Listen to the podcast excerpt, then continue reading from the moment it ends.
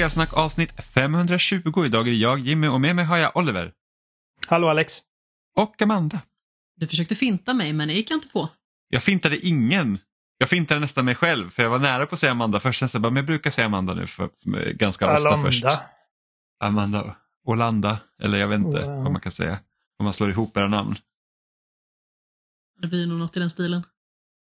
Amer. Olinon, Olanda. Ol-. Jag vet inte. Jobbigt är det i alla fall. Jag är inte så bra på att sätta ihop namn på det sättet. Så att, eh, men Oliver, du är ju expert nu när du har börjat liksom hälsa på alla möjliga folk så fort vi börjar podda. För 30 sekunder sedan googlade jag unisex-namn. Svagt. Alex är unisex-namn, ja. ja, så att det, så kan det vara. Eh, vi, eh, senaste veckan, jag tänkte att vi börjar med det här, så, för att jag tror alla har ju nästan räknat med att Nintendo kommer släppa uppföljaren till Switch det här året. Eh, och nu har det Ja, kommit det är för rapporter att- på att så inte är fallet utan att det har liksom skjutits fram till mars 2025. Ja. Eh, och av den anledningen att eller det finns två anledningar som jag har sett dem. Och ett var ju det att de inte har tillräckligt mycket spel att släppa till den. Liksom att, att det, det kanske tar lång, för lång tid mellan titlarna. Eh, och om vi då tittar liksom på Switchens första år så var det ju väldigt, alltså det var en ganska liksom det var inte så många så spel som släpptes direkt på launch. Du hade ju Breath of the Wild som var liksom den stora titeln.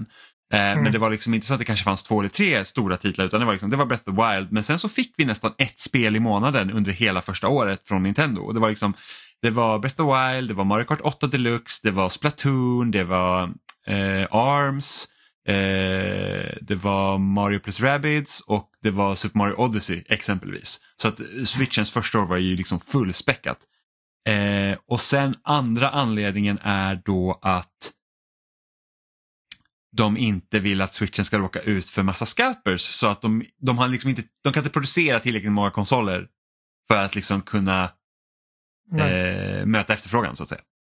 Ja, men de sitter i en sits där de kan liksom eh, hålla på någonting för att eh, liksom försäkra den bästa möjliga launchen. Eh, både för, för deras liksom utbud och, eh, och kunden. Så att eh, makes sense. Men det kan finnas massa olika anledningar till och det, de, har inte, de har inte bekräftat 2024 heller. Liksom. Allt detta Nej, är baserat absolut. på rapporter. Liksom. Det, det kändes rimligt med 2024 för att liksom var det typ sju år. Ja, Ehm, och sen så om man tittar liksom på release, alltså Nintendos releaser nu det kommande året så vi är liksom, ja men nu släpptes ju Mario vs Donkey Kong som är en mindre titel, sen kommer eh, Princess Peach Showtime eh, senare och sen så vet man Mm. inte riktigt vad som kommer efter det. Nej. Så, så att eh, det har liksom det har känts som att switchen är liksom nu så här att okej men nu, nu, nu varvar de ner och sen så gör man redo sig för liksom nästa push då eh, med den nya konsolen och ja och nu blir det ju lite så här, hmm, undrar vad de har. Vi har ju en Pokémon direkt som eh, som är idag faktiskt när vi spelar in då eh, som förmodligen kommer visa några nya Pokémon-spel som säkert släpps i höst.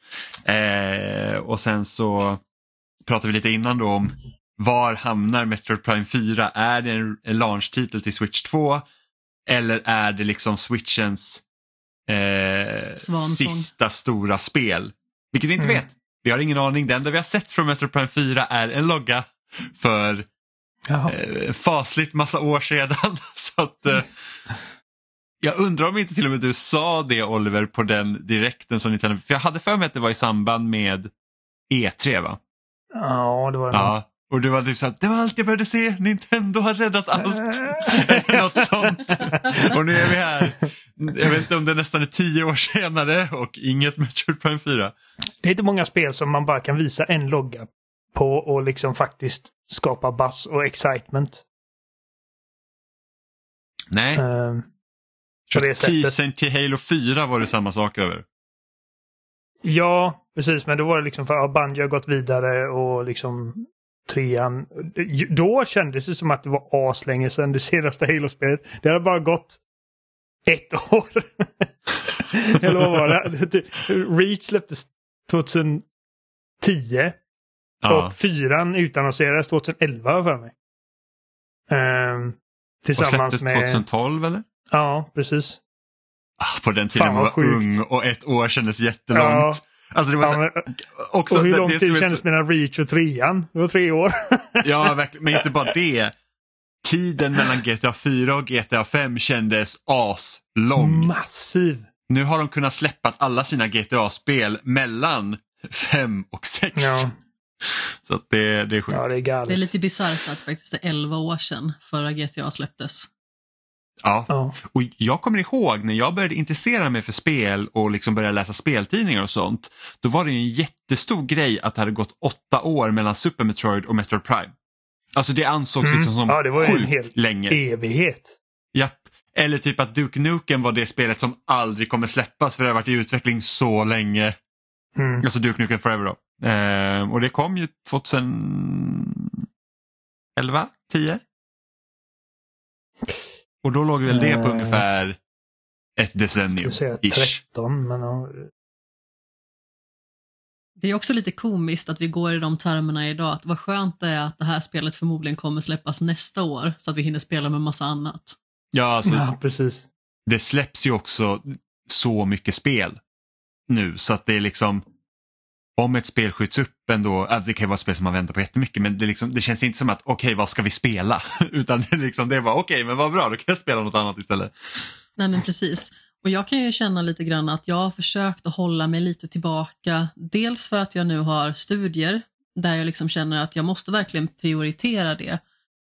Där jag har mitt jobb så är det liksom mycket lättare att jobba de tiderna som jag liksom faktiskt har uppskrivna och när jag har slutat jobba då tänker jag liksom inte så himla mycket mer på mitt jobb. För att jag har liksom inget personalansvar eller liknande. Mm. Utan när jag jobbar, då plöjer jag. Och när jag är klar så behöver jag inte tänka mer på det. Men i och med att jag har lite friare tider nu så blir det ju liksom också att det är väldigt lätt att sätta sig och spela kanske en timme för länge, eller hur man ska säga. Så jag har liksom försökt att verkligen fokusera på att inte hoppa mellan upplevelser och jag har faktiskt bara, förutom att jag och Jimmy har spelat Baldur's Gate 3 tillsammans, så har jag bara spelat tre spel i år. Och det är ju Wilmots Warehouse, det är Prince of Persia och det är Like a Dragon Infinite Wealth. Och då förutom spelet som vi kommer att prata om senare. Men de, det är de tre spelen som jag har klarat. Och jag känner att jag verkligen har försökt att verkligen väga min tid ordentligt så det liksom inte blir att man kastar sig in i så himla många olika upplevelser. Och nu, efter att jag är klar med Final Fantasy 7 Rebirth, då har jag ytterligare tre recensionsuppdrag såg jag. Så det ska bli väldigt spännande att se hur jag hinner med det helt enkelt. Orka. Men eh, Jimmy, du hade rätt. Det var 2011 Duke Nukem kom. Och det utannonserades 98. Ja okej, så det var 12 13 år, år. 13 år. Ja och då ligger vi nu på 13 år. Nej, vi ligger på 11 år med GTA 5 och förmodligen ja, 12-13 år när det väl släpps. Ja, men då har ju Eh. inte GTA 6 varit i utveckling i, i 10, eller så 11 år. Liksom. Eh, Nej, men jag kan ju nog tänka mig att du började skissa på det när GTA 5 hade släppts. Jo, jo. Hur länge var The Last Guardian i utveckling? Det var ju också jättelänge. Ja, men inte lika. Det, det, det visades ju det visades någon gång under PS3 Eh, PS3-eran då, så 2000 kan visas 2009 kanske. För jag minns att när jag såg det spelet så bara, men jag måste köpa en PS3 för jag vill spela det. Och det tog typ åtta eller nio år tror jag. Ja, och 2009 det, visades det. ja, och det släpptes väl, för visades inte det på samma E3 som man fick se första uh, grejen av Final Fantasy Remake? Och så fick man se Shenmue 3 Jo, var The Last Guardian. Last Guardian, Shenmue 3, Final Fantasy Remake.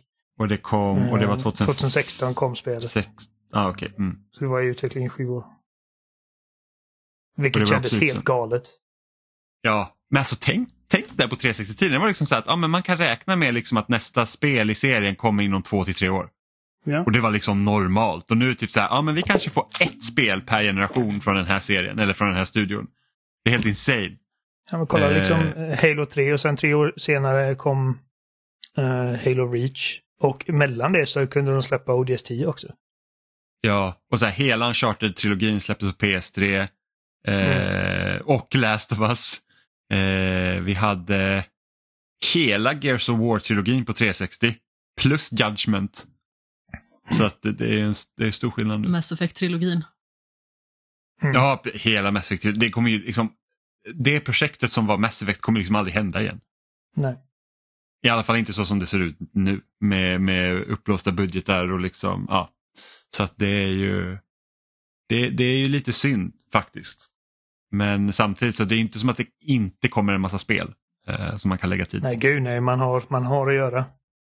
Alltså man har väldigt, alltså jag, jag försöker arbeta mig i kapp nu och spela så det som jag inte har hunnit med. Så att jag, jag har ju äntligen börjat på Prince of Persia som jag liksom har velat spela sedan det kom. Men det är liksom Mm. så att okej okay, men det är recensionsuppdraget och det är recensionsuppdraget och sen måste jag hinna spela det. Och sen blir det lite så här också att du och Amanda har spelat det och då är det så att okej okay, men då kan jag fokusera på kanske spela ett spel som vi inte har spelat till podden exempelvis. Ehm, så har jag kunnat, men nu, nu äntligen så här, några dagar innan Final Fantasy 7 Rebirth släpps har jag börjat på Prince of Persia. Ehm, Hur tycker du det känns då? jag, jag tycker det känns väldigt bra. Alltså jag, jag är imponerad över liksom den, ändå hur djupt stridssystemet känns. Du kan ju liksom button masha dig ganska bra och klara dig väldigt, väldigt bra. Men du, Hej, du, hej. du har ju ändå väldigt mycket alltså kombos du kan göra och, och liksom, man kan göra det med väldigt stor eftertanke. Liksom med dodge och parering och, och, och sådär. Så att jag, jag, jag gillar det väldigt mycket. Jag är en stor vän av superattacken. Ja, men den är, den är jättebra. Eh, så att jag, jag gillar, och jag har ju upptäckt så här att, eller upptäckt, det här kommer väl ingen som chock för någon, men alltså att Metroidvanias är min genre. Jaha, Det är, alltså, egentligen Va? min favoritgenre är ju den här, ehm, och, och vad kallar man det nu då? Eh, kallar man det immersion simulator? Nej, jo. Typ Prey och Dishonored Immersive och Sims, ja. Immersive Sims, precis. Det har ju liksom varit liksom så att okej men när det kommer ett sånt spel då vill jag verkligen spela det. Men de spelen säljer inte, så de spelen släpps inte. Så det, det finns ju typ inga sådana. Så nu, nu är det verkligen Metroidvanias, det är nog det är nog den genre jag tycker är bäst just nu och jag tror att det beror mycket på också att där skippar man det här typ levels, XP och, och grejer utan det är så att jag får progression genom att hitta nya vapen eller få en ny förmåga. Och det är inte bundet till att jag måste grinda levels för att bli lite starkare. Eh, och jag tror att det, det, det, är väldigt härligt för då är det så att okej men åh, jag längtar till nästa uppgradering eller till nästa uppgradering. Eh, precis som man pratar typ om Metroid-spelen förr. Liksom alltså att, ja men bara jag får en till bombuppgradering eller jag kommer till nästa nya förmåga och sen kan jag sluta spela. Och det, det, det gillar inte jag riktigt när jag var yngre för att jag tyckte inte om backtracking. Det var verkligen så att nej men alltså jag, vill inte, jag vill bara se nytt hela tiden. Jag vill inte gå tillbaka och, och hålla på. Och nu kan jag ändå känna att det är ändå ganska trevligt. Jag har komplicerad känns- relation till uh, Metroidvanias. Alltså, varför det? Eh, ja, men vi har pratat om det här förut. Jag, eh, jag, det, när det klickar så är jag fast. Men, men det, det är någonting... Det klickar inte på ett tag. Alltså, men jag jag har börjat spela Blasphemous för att du sa att tvåan var bra. Och jag såg att ettan det kostade typ vad var det, 70 spänn eller någonting. Så jag skaffade Mm. det. Jag har jättesvårt för att komma in i det. Och Ja, jag, jag har svårt att inte bara stänga av det så fort jag inte vet exakt vart jag är på väg. Ja, och det är ju och det är en gemensam nämnare för den här typen av spel, just att början är så kritisk. Eh, för att du har ju inte så mycket förmågor i början, vilket gör att spelet känns inte alltid jättebra när du börjar spela dem. Alltså det är typ, när jag började spela Prince of Persia, det var också så att, oh, jag kände direkt liksom att det fattas grejer här. Och nu har jag liksom fått dashen och lite sådana saker, så då är det så att, okej, men nu känns det mycket bättre. Och Hollow Knight Mm. är ett, liksom ett perfekt exempel på det här, för att Hollow Knight känns inte bra i början. Det är så Nej, här, jag, har börjat om på det fyra gånger tror jag. Yes, och det är liksom, men så fort man kommer över liksom den bumpen så att säga, då är det liksom bara så här, ah fy fan vad bra det är. Men det är svårt där i början och det, det är väldigt många spel där det är så att de inledande timmarna är verkligen så här att, mm, jag vet inte, Outer Wilds var ett sånt spel för mig. Det är så att jag älskar ju verkligen det spelet och spenderade typ 50-60 timmar i det. Men det var så att i början så här bara, oh den här rymdfarkosten är inte helt lätt att styra, det ser lite konstigt ut. Så att, och man bara, ah, jag vet inte om jag har tagit rätt beslut att ens startar det här spelet och sen så bara klickar det och så är det det känns ju väldigt naket i början. Ja, men, men det, så att det är svårt och många Metroidvanias är svårt just för att de håller spelaren tillbaka.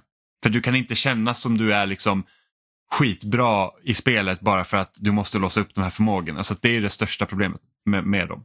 Eh, och jag kände samma sak när jag startade Blasphemous 2. var ju så här att Åh, gjorde jag rätt beslut nu? Skulle jag egentligen ha spelat ett annat spel? Men sen så, nej, jag älskar det verkligen. Jag tycker att eh, tvåan är skitbra. Och jag har inte spelat ettan så jag kan inte svara på det. Eh, det är också så medvetet diffust, liksom att uh, man pratar med karaktärer och det är så här, du vet, Dark Souls-grejen där ja. de liksom använder massa gammal engelska ord och man bara, jag vet inte vad du säger just nu. Och ingen klarar, uh, klarar talspråk. Nej, men det, det, det, är, det är samma sak i tvåan. Ja, och jag menar alltså, jag älskar ju från software-spel så att liksom det är liksom att när, när det klickar så, så, så klickar det. Um, och det, jag älskar Metroid. Uh, Metroid Dread tyckte jag var helt amazing. Um, och jag gillar som sagt Prince of Persia väldigt mycket också. Det,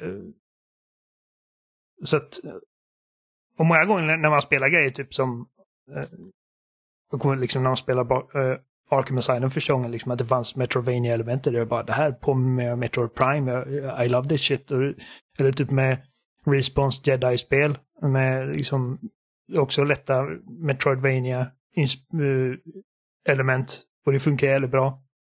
Men sen är det liksom när det kommer till just de här liksom 2D-spelen. Um, ehm, mm. Men jag tror liksom att när du har en fullt realiserad 3D-värld, då blir liksom upptäckandet blir helt annorlunda än när det är 2D. Ja, det är lättare för mig att navigera i det också, för jag tycker liksom i 2D tycker jag liksom att mycket ser bara likadant ut för mig. Mm.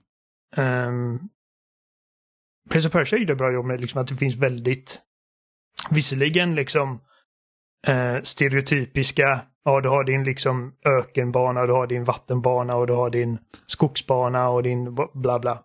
Um, men det gör, det gör väldigt mycket bara för att liksom segmentera världen så att det liksom blir lätt att um, compartmentalize hela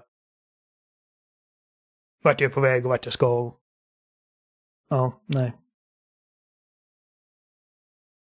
Mm. Jo men precis, det finns en väldigt eh, klar tydlighet i de här olika delarna av spelet. Så att man känner liksom inte att allting ser exakt likadant ut för att man känner liksom att ja, men, nu är jag i den här delen och det är liksom den här punkten jag eftersträvar att komma till. Och jag tycker ändå liksom att när man kör som jag gjorde med den här lilla guidningen, för det finns ju att man kan köra helt utan att det finns någon form av vägledning. Eh, så tycker jag liksom att det funkade väldigt bra för mig. För jag är ju liksom inte en jättekompis till Metroidvania i allmänhet. Just på grund av att ofta så kan jag liksom känna att det blir för mycket hattande fram och tillbaka. Mm. Eh, och precis som jag sa tidigare så har jag varit ganska så mätt på genren också, men Prince of Persia, The Lost Crown gjorde det väldigt bra, måste jag säga. Och jag hade liksom roligt hela vägen, även om det var liksom vissa ställen som jag fick liksom sitta och klia mig i huvudet över ganska så länge innan det då fanns en lösning som uppenbarade sig framför mig. Mm. Men eh, Amanda, du har ju spelat eh, spel som inte vi andra har spelat eftersom vi har inte privilegier att få recensera det. Men, jag har eh, spelat, punkt. Ja, precis, du har spelat. Så nu går vi över till Oliver. Eh, nej, men du har ju spelat Final Fantasy 7 Rebirth. Ja, men precis. Det känns ju faktiskt lite bisarrt att jag är personen som ska recensera nyversionen av ett av spelhistoriens mest ikoniska rollspel. Det känns faktiskt lite stort, måste jag säga. Så jag är väldigt glad att faktiskt vara den på Loading som fick axla det uppdraget. Och när det gäller mm. just rollspel så känns det ju verkligen som att det är just den genren som har sparkat igång 2024 ordentligt med bland annat då, precis som vi nämnde tidigare, Like a Dragon Infinite Wealth och även Persona 3 Reload. Så det har liksom varit väldigt starkt på den fronten och nu kommer ju det här spelet som kanske är ett av de mest efterlängtade för väldigt många spelare. Och i synnerhet mm. spelare som kanske har det här spelet som ett av favoriterna från 90-talet. Det kommer ju fortsätta också med rollspel. Alltså vi har ju typ Dragons Dogma 2 som kommer nu i, i mars. Och sen är det något annat rollspel också som kommer.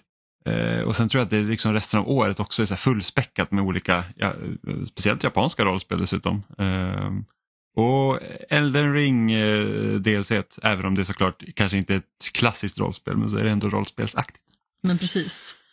Men som sagt, jag har ju redan fått eh, sätta tänderna i den här godbiten och Final Fantasy 7 Rebirth tar vi direkt efter händelserna i Remake. Och vi får helt enkelt följa Cloud och gänget som nu är på flykt efter förstörelsen i Midgar. Och konfrontationen med Sephiroth skapar liksom en hel del frågetecken och Cloud berättar därför för resten av gruppen om deras kollektiva historia, så att säga. Hur han liksom var hans stora förebild och om när de åkte tillsammans till Nibelheim för att bestiga Mount Nibel och ta sig in i den här makoreaktorn som är på toppen. Och vad som helt enkelt då händer med Sephiroth efter det och hur han genomgår en väldigt drastisk förändring som får katastrofala konsekvenser egentligen. Och de här minnena rör upp väldigt starka känslor naturligtvis, inte bara liksom hos Cloud utan i gruppen som helhet. Men naturligtvis måste ju deras flykt fortsätta. Och när spelet börjar så har jag ju med mig Cloud och Barrett och Tifa och Aerith och Red 13 som vi fick med oss liksom mer mot slutet i föregående spel. Men som de flesta säkert vet så finns det ju fler karaktärer i originalspelet att bekanta sig med. Och Chocobos, som ju är eh, oerhört välbehövliga. För att det här spelet är ju ett mer öppet sådant. Och eh, de kommer ju väldigt väl till hands för att färdas över de här öppna landskapen. Till skillnad från föregångaren som sagt, där det var väldigt linjärt på många ställen, bortsett från enstaka tillfällen, och uppdelat i sektorer i Midgar.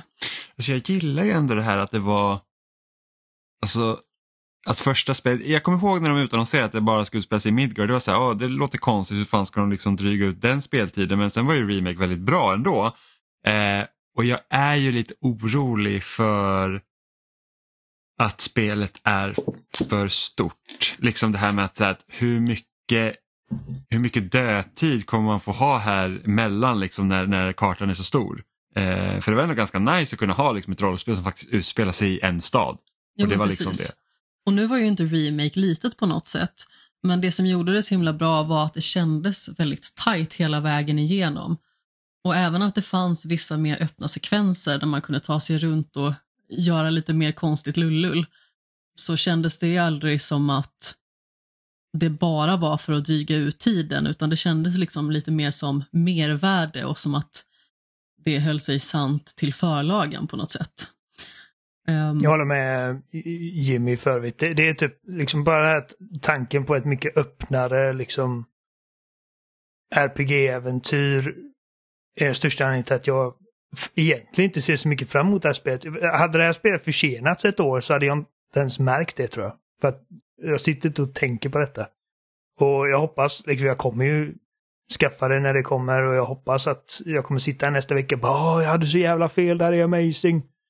Um, men som just nu är jag orolig över um, ifall jag kommer liksom orka hänga med. För att jag har hört att det, det är liksom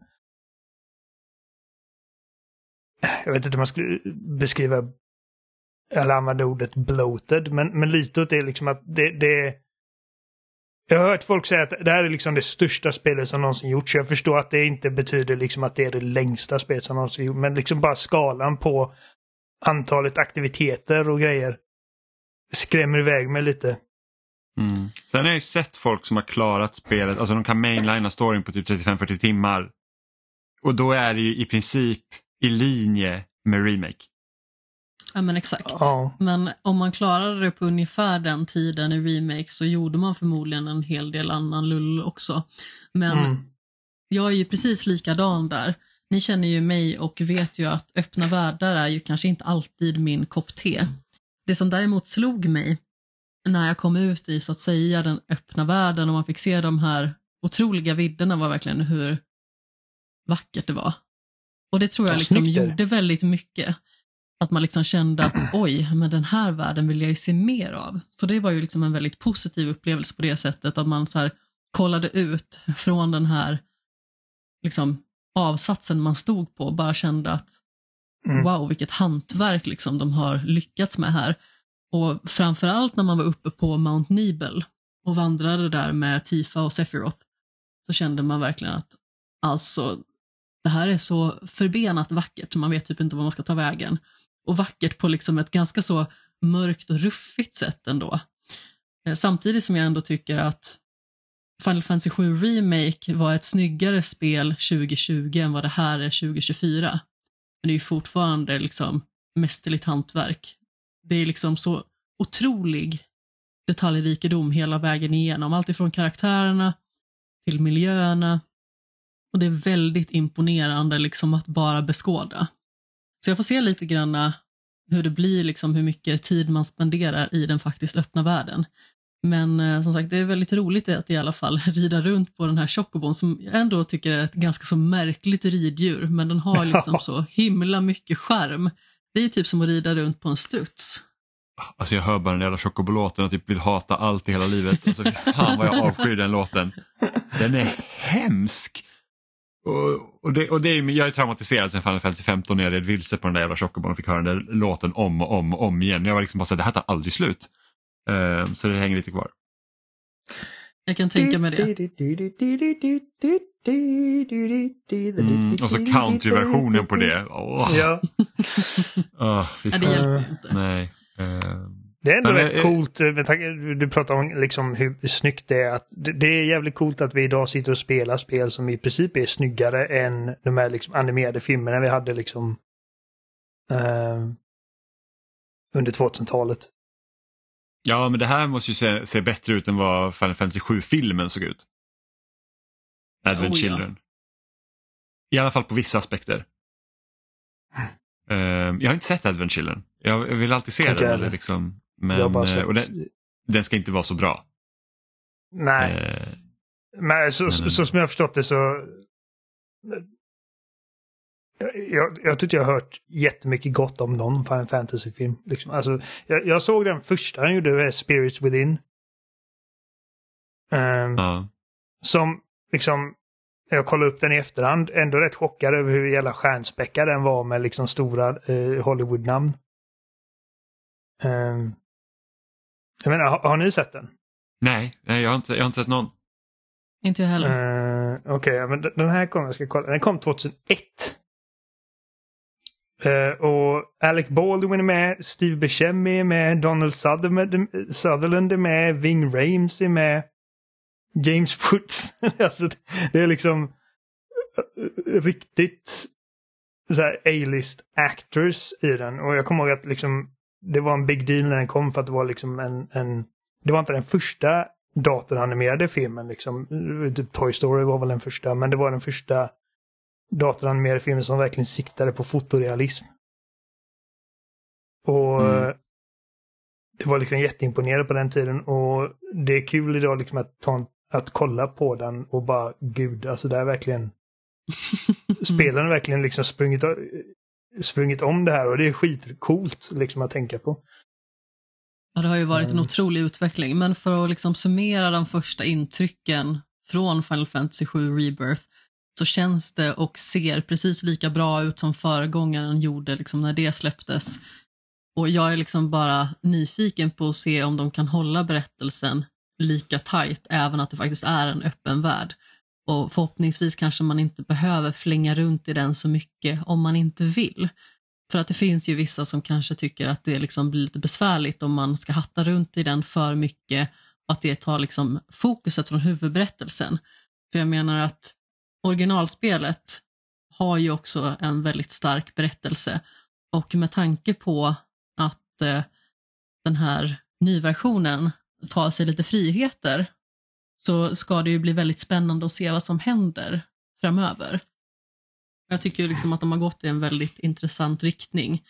Och eh, de sekvenserna man fick se från framförallt Nibelheim, eh, de eh, känns otroligt starka i det här spelet. Så jag hoppas liksom att eh, ni också ska tycka att det känns spännande när vi pratar om det nästa vecka. För att eh, det släpps ju ifrån poddens släppdatum så släpps det imorgon.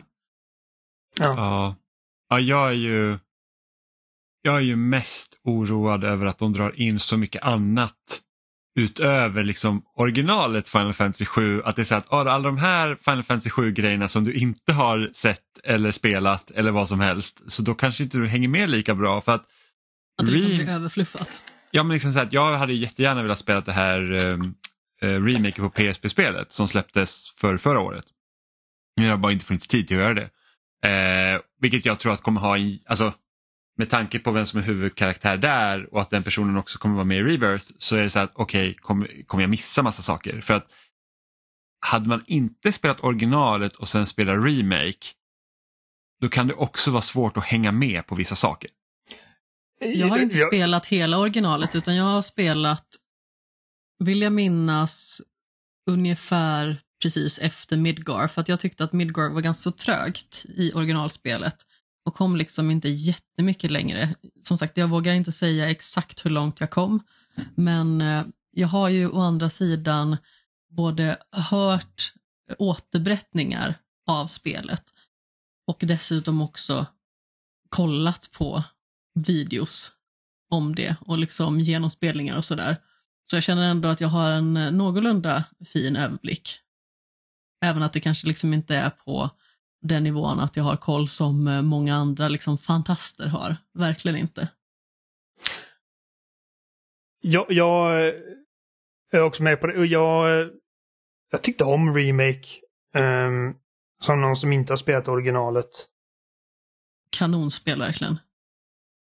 Men, men det var liksom, när, jag, när det spelet var som absolut värst, förutom den här typ, den här, eh, train yard-delen med spöken och skit, fan vad jag hatade det. Men när jag hade som minst roligt med det spelet var liksom när, när spelet introducerade grejer som var bara, vad fan är detta? Typ som när en av de här plattorna rasar och helt plötsligt kommer det en katt som går på två ben med en krona på huvudet. och faller ihop på sina knän och bara liksom ungefär som att åh gud, åh the human, humanity. Och jag bara, jag har aldrig sett den här. Precis, jag, jag har ingen aning om vad fan detta är för någonting. Alltså, det, det har varit väldigt så här liksom, jag menar, väldigt over the top och väldigt st stilistiskt liksom. eh, eh, anime-ish. Men, men det har ändå varit liksom människor och, och, och grejer jag kan begripa. Liksom ekoterrorism och liksom kapitalism och, och, och allt den här skiten. Och så kommer den här jävla katten och jag bara... Han dyker upp från ingenstans, sen försvinner han och ingen Ingen reflekterar över för att det är ingen som ser den här liksom. Och det, jag bara, vad försöker... Jag fattar ingenting och det, och det som slutet när man typ möts upp Du med... bara, varför adresserar ingen det här för mig? Ja. ja, men det är, Ja, som, det är men- ungefär som att jag hade liksom kollat på typ The Matrix. Och helt plötsligt så kommer Långben in. I tre sekunder. och, så, och försvinner sen. Och, det, och, och ingen liksom... Och det finns ingen kontext till varför Långben var liksom i den här scenen när, när The Matrix håller på att kollapsar och liksom eh, människornas öde står på spel. Liksom. Och, och, eller när, typ när, när Zack dyker upp och jag bara okej, så där är någon som någon som, som Cloud känner mig. Jag bara, jag har ingen aning om vem det här är. Och liksom spelet förväntar sig att jag ska veta vad det är för att, för att det är liksom ett spel för fansen. Och jag misstänker att det kommer vara många sådana ögonblick i det här spelet. Där jag bara kliar mig i huvudet bara, alltså vad fan. Alltså jag kan ju Jag- tänka, alltså Zack-grejen är lättare att köpa för att det känns mer som en tease inför uppföljaren. Liksom bara, Åh, vem är det där? Men Kate Sith är ju enbart där för de som har spelat originalet och vet vem det är. Jo men precis, det är lite sådär om man vet så vet man. Ja, och det är lite konstigt att man lägger så stort fokus på det med tanke på då- liksom, då man har utvecklat det här, då har man liksom inte riktigt tänkt på att okej, vi har en hel drös med människor som aldrig har spelat Final Fantasy 7 och liksom ska hoppa in i här och då bara, nej men vi skiter i att förklara. Eller liksom, vi, vi bygger inte upp det på ett sånt sätt liksom att, att allt makes sense. Så att säga. Nej men det är en ganska så rolig grej också för att det är lite dumt. Ja, jag hade till och med glömt bort att Casey var med i första eh, spelet. Alltså, ja, det, det är bara... Och det, är liksom, det finns konstigt, som den här typ Red 13 eller vad han heter. Men han, Ja, han blir man i alla fall introducerad till. Liksom. Alltså spelet förklarar, okej vad är detta för någonting? Det är liksom ett typ experiment som gone wrong eller whatever. Eh, så, så det är en konstig grej men som jag ändå liksom köper för att jag får vara med när karaktärerna dyker på och liksom de är Red Ja, det var inte bara 13 Långben som kom in där och bara hej!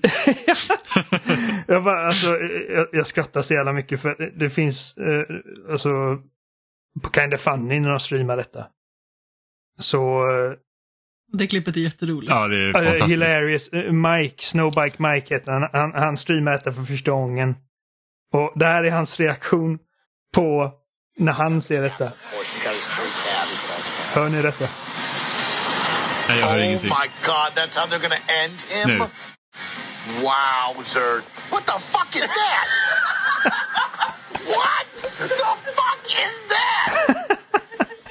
Ja, det, ja, det är bisarrt. Alltså det, men det är så himla kul också. Ja, men det, är så, det är så kul också för att det är, så att, det är verkligen så att det är värsta dramatiska scenen och där Ja. bara, okej, där, är en, där är en karaktär som vi liksom har spe, alltså varit med ett tag nu som Ja. blir typ mosad av hela den här plattan och sen så kommer den där katten och man bara what? Det är inte vilken katt som helst, det är en antropomorfisk katt i kläder. Ja, det är, ingen, det är ingen normal katt. Alltså det är liksom en katt med kläder på. Och typ, alltså inte ens, alltså det är bara en squinty katt. Liksom. Alltså, det ser ut som en liksom japansk kattdocka i princip. Som lever och kommer springandes med en krona på Ja. huvudet. Och man, Han har kommit in från fel spel. han är med i fyra sekunder typ. Och sen ingenting om det sen. Nej, och, och, och det, är- liksom, det är märkligt. Jag har för mig att han har typ världens eh, farväl grymma värld-reaktion också mer eller mindre. ja, man faller Ja. liksom ihop. Han tittar på det förstörelsen och liksom bara faller ner på knä och bara Åh! Och jag bara Vad fan är det som händer? Men undrar om, det är något, undrar om utvecklaren har tänkt sig att okay, men han är med så, så lite tid. Så att när vi väl kommer till slutet då har alla glömt det. Men då har vi ändå gett fansen någonting. Oh, jag vet inte. Ja. Men, Men de jag vill ju också från- hålla... Ursäkta, säg du. nej, säg du Oliver. Ja, men jag, så jag vet att de, de vill, eller jag, jag antar att de också vill hålla liksom fansen på tårna också, liksom, så att de ändrar små grejer ehm, med hur saker och ting utspelas. Och, så att jag hör liksom på Kinda Funnys eh, recension liksom att eh, det spelar ingen roll om du är ny till Final Fantasy eller, eller är liksom världens största hardcore Final Fantasy 7 -grej. Du kommer ändå ha frågetecken i det här spelet. Ja. Och det, Eh. det, det bara gör alltså, Ja, ja alltså. Jag, jag, jag, jag är inte ett ultrafan av Final Fantasy 7 för att jag spelade det första gången 2019. Så att jag, Ja. liksom, jag har ingen lång historia till det spelet heller. Ehm, men jag är helt inne på spåret att Final Fantasy 7 Remake är en uppföljare till Final Fantasy 7. Snarare än att det är liksom en...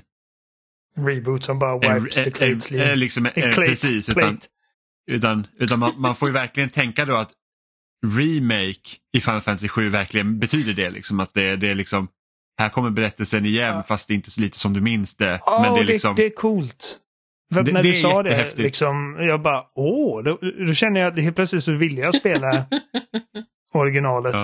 Wipes the plate för, för det är Ja. liksom det enda som är logiskt till den berättelsen vi fick se. För annars är det bara så här, hur, och hur hänger det ihop och hur, ja. Så att det, det är knepigt. Men Det känns som Sephiroth liksom i, i Remake vet någonting som inte alla andra vet.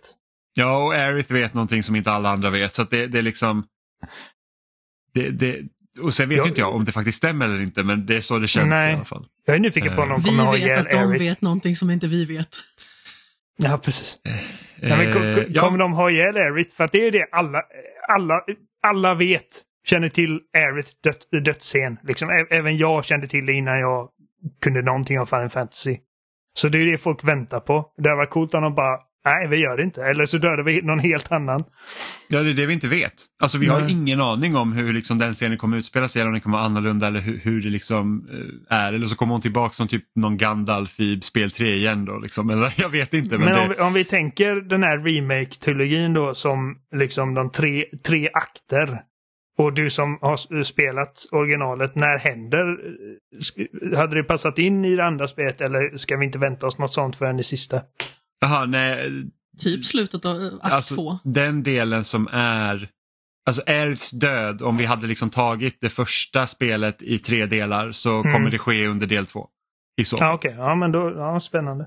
Ehm, Det var ju en väldigt dramatisk händelse för hela spelvärlden. Ja, ja, alltså jag kom, alltså som sagt när jag började läsa speltidningar då liksom det hände ju typ så här varje ett och ett halvt år att det kom ut en artikel om hur viktig den scenen var för mediet. Jo, men precis. Sen är det ju faktiskt så att om vi tar till exempel Final Fantasy 6 så finns det ju karaktärer som dör där också på liksom ett väldigt dramatiskt vis, liksom ett väldigt mörkt vis. Jag har för mig att det är Final Fantasy 4 också som det är liksom någon så här riktigt hemsk dödsscen. Men jag tror att det handlar mycket om att det här är en karaktär som man liksom faktiskt har med sig och att hon dödas på ett väldigt brutalt vis. Ja, men att det var så Ja. oväntat antar jag också. Liksom att eh, man Ja. har inte... Och, och, och just det också att det är liksom en, en party member liksom som du har förlitat dig på rent för att liksom ta dig igenom spelet. Och helt plötsligt så är det någonting som tas bort från dig.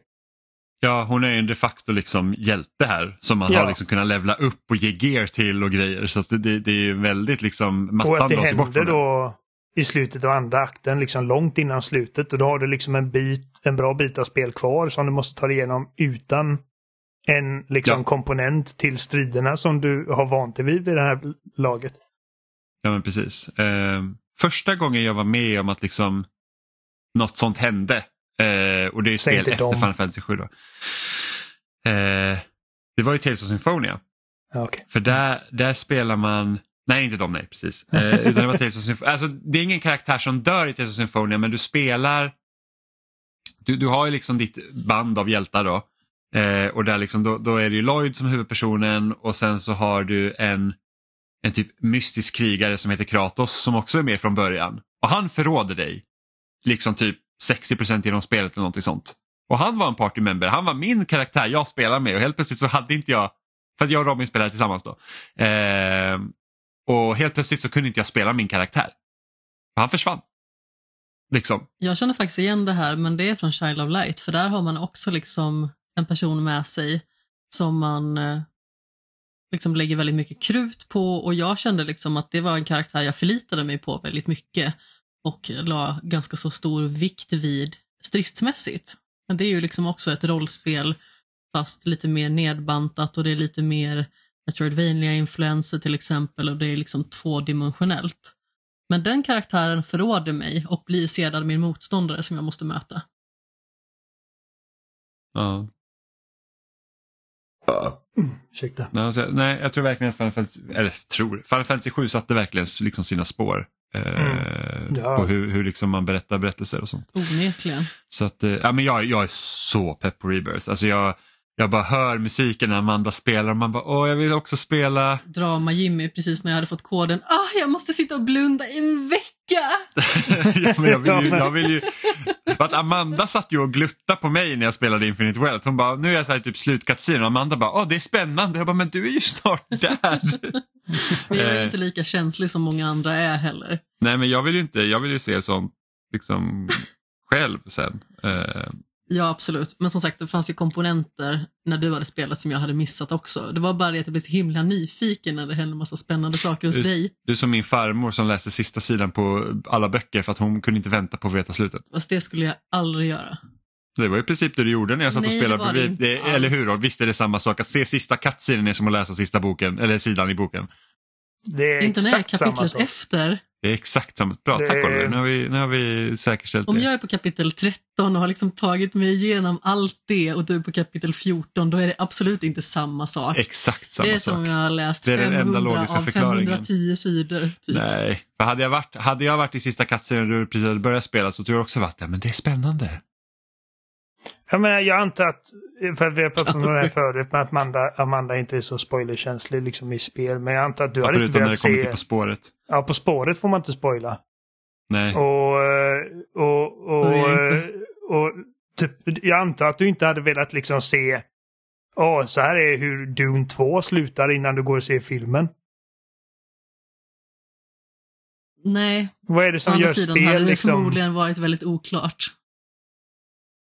Eh, jag förstår inte vad du menar. Alltså, i just Dune.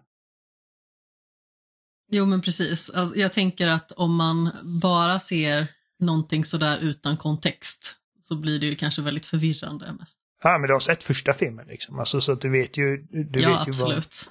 Vad... Men, men, men jag antar liksom att alltså, du, du vill inte veta saker eh, i förväg när det kommer till serie eller film eller böcker. Men liksom på något, på något sätt så bryr du inte lika mycket när det kommer till just spel.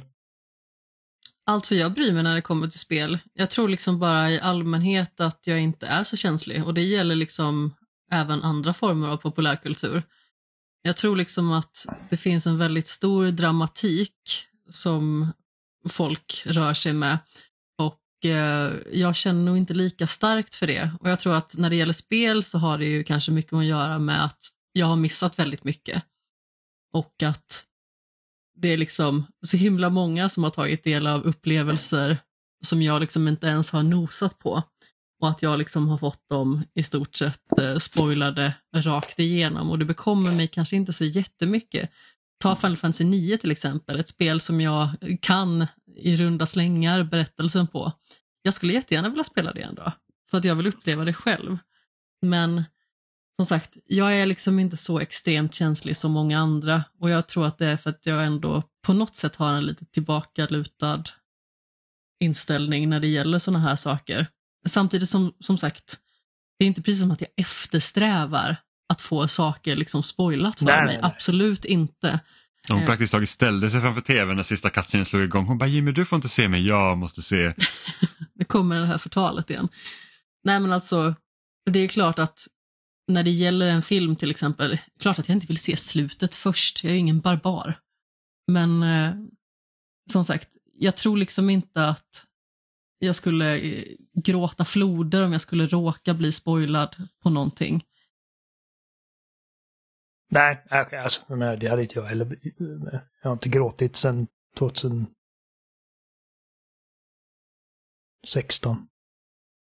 Ja, jag grät i fredags. Jättemycket.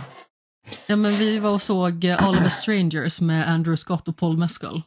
Och den Mm. var verkligen mörk och sorglig och eh, bearbetade väldigt liksom, svåra teman. Och Det var väldigt skönt också att gå på bio och inte se en film som är typ så här två och en halv timme lång, utan den var typ 1.40. Mm, ja, ja, det kan vara skönt ibland. Men Oliver, du har ju spelat Helldivers 2 Ja, som då- också då- har varit typ jättepoppis de senaste veckorna, eller sen det släpptes egentligen. Ja, jag Mm. spelar Helldivers 2 också, men ytterst lite. Jag har spelat typ två timmar. Ja, alltså när, första gången jag spelade, vi spelade tillsammans, bara du och jag. Sen, sen blev jag övergiven. Lämnad. Eh, ja. Eller va? Vi- Jag skojar. Jag har inte haft tid att spela det. Jag gillar att du höll med och sen ändrade du. Ja, det var så här, ja, Nej, Jimmy, jag, skulle, jag, skulle lämnade säga dig att till vi, ditt blev- öde. vi Jag blev spelar med mina bättre övergivna av... eh, jag skulle säga att vi blev övergivna för att det var ju tanken att vi skulle spela du och jag och så, och så Stefan och Emma men det, de andra två kunde inte när vi satt oss och vi bara, "Nej, men fuck it. Vi behöver ingen. Det, jag gillar dock att det var ju typ skurk-Filip som satte igång hela cirkusen först. För han bara såhär, men Helldivers, Helldivers 2 är man nog sugen på. Så om vi är ett par gäng så kan vi spela det. Och alla bara, okej vi köper Helldivers 2. Sen så Filip bara, nej. Jag tror det var Ja, Stefan. ja, ja. Ah, Okej, det hade varit roligare om det var Filip dock. Eh, men jag tyckte att, jag tyckte att din Filip, hela... jag tyckte att, ja, som jag minns det så var Filip väldigt på och sen så när vi alla hade köpt det då så här, nej jag tror jag skippar. Som jag minns det, och där fast kommer vid vi... den här versionen bara för att han ska ha rätt. Ja, men nej, för att Ja. den är roligare. Så som jag minns det, och där kommer vi få höra sen när, när eh, de här personerna lyssnar. Eh, Men som jag minns det så var det Stefan som tog upp det först och jag hade inte mina ögon på Helldivers 2 Ja, för men att jag det, spelade... det, det, min, det minns jag att Stefan tog upp det först ja. Men jag tror att Filip Ah, okej. pushade sen extra. Ja, det, det kan hända att det var Filip som liksom, för då var det helt plötsligt två i gruppen som, Ja, som precis. var sugna på att testa. Stefan var den första som tog upp det. Ja, ja men det, det, det, Eh. det är jag helt med på också. Att Stefan var den första som tog Och upp all, Helldivers I 2. början var alla bara, ah, jag vet inte, vi har så mycket annat att spela. Och sen så, alltså, det här spelet har ju tagit över världen.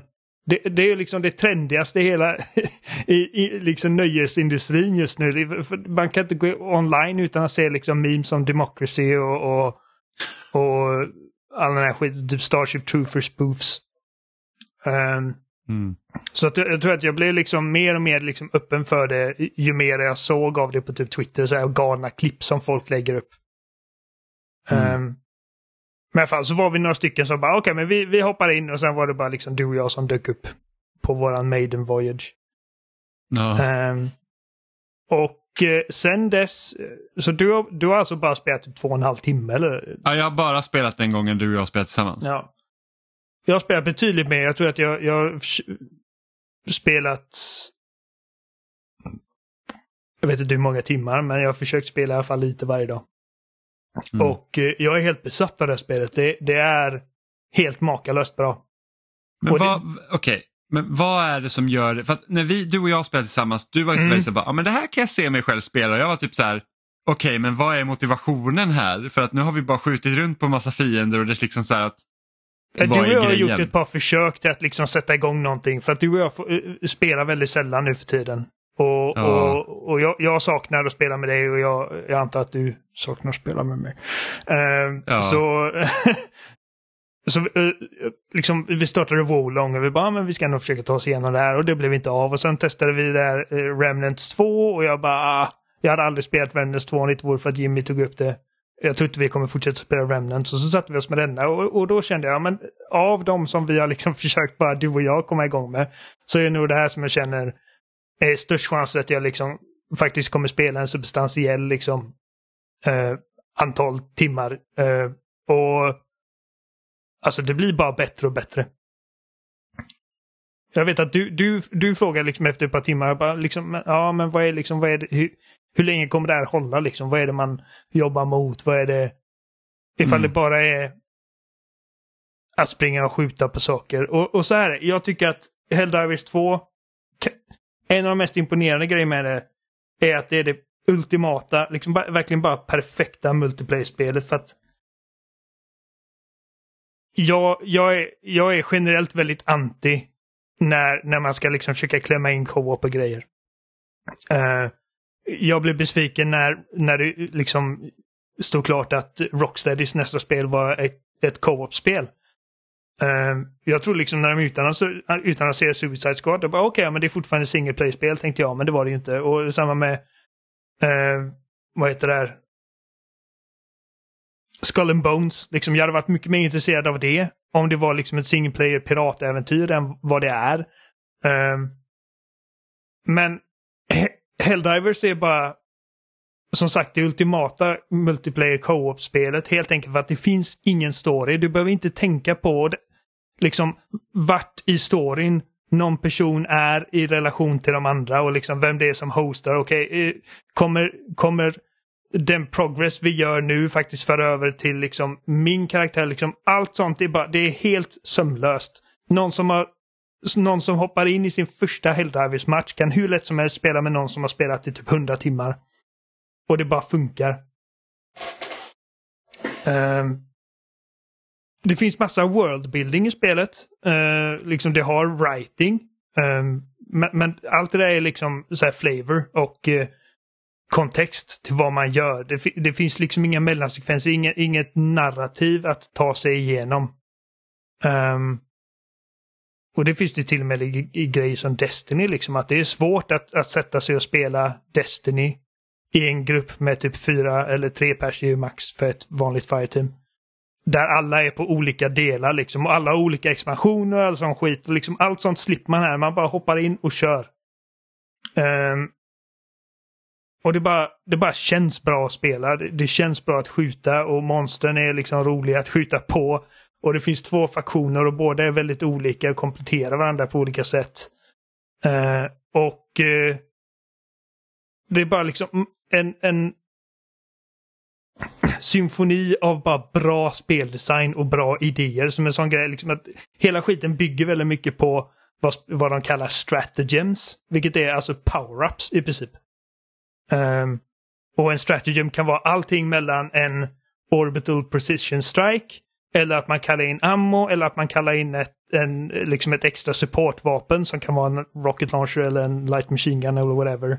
Det kan vara en turret. Liksom, det finns så många olika grejer att kalla in och varje grej har liksom en egen input code. Så att du håller inne L1 och så ska du trycka en kombination av eh, directional inputs på, på D-paden. Ja, det är det bästa. Det är briljant.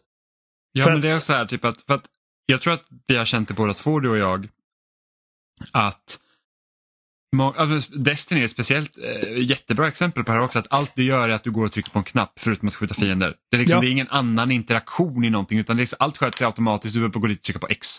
Vilket Mm. är liksom det, det blir pisstråkigt eh, i längden. Eh, och här var det liksom bara att man ska kalla ner den här orbitstacken så bara okej okay, jag måste hålla in den här knappen och sen måste jag trycka den här jävla koden samtidigt som man blir typ jagad av fiender. Precis. Och man vet att man kanske har någon partymedlem där som ligger och väntar på att bli rättad och man bara ah!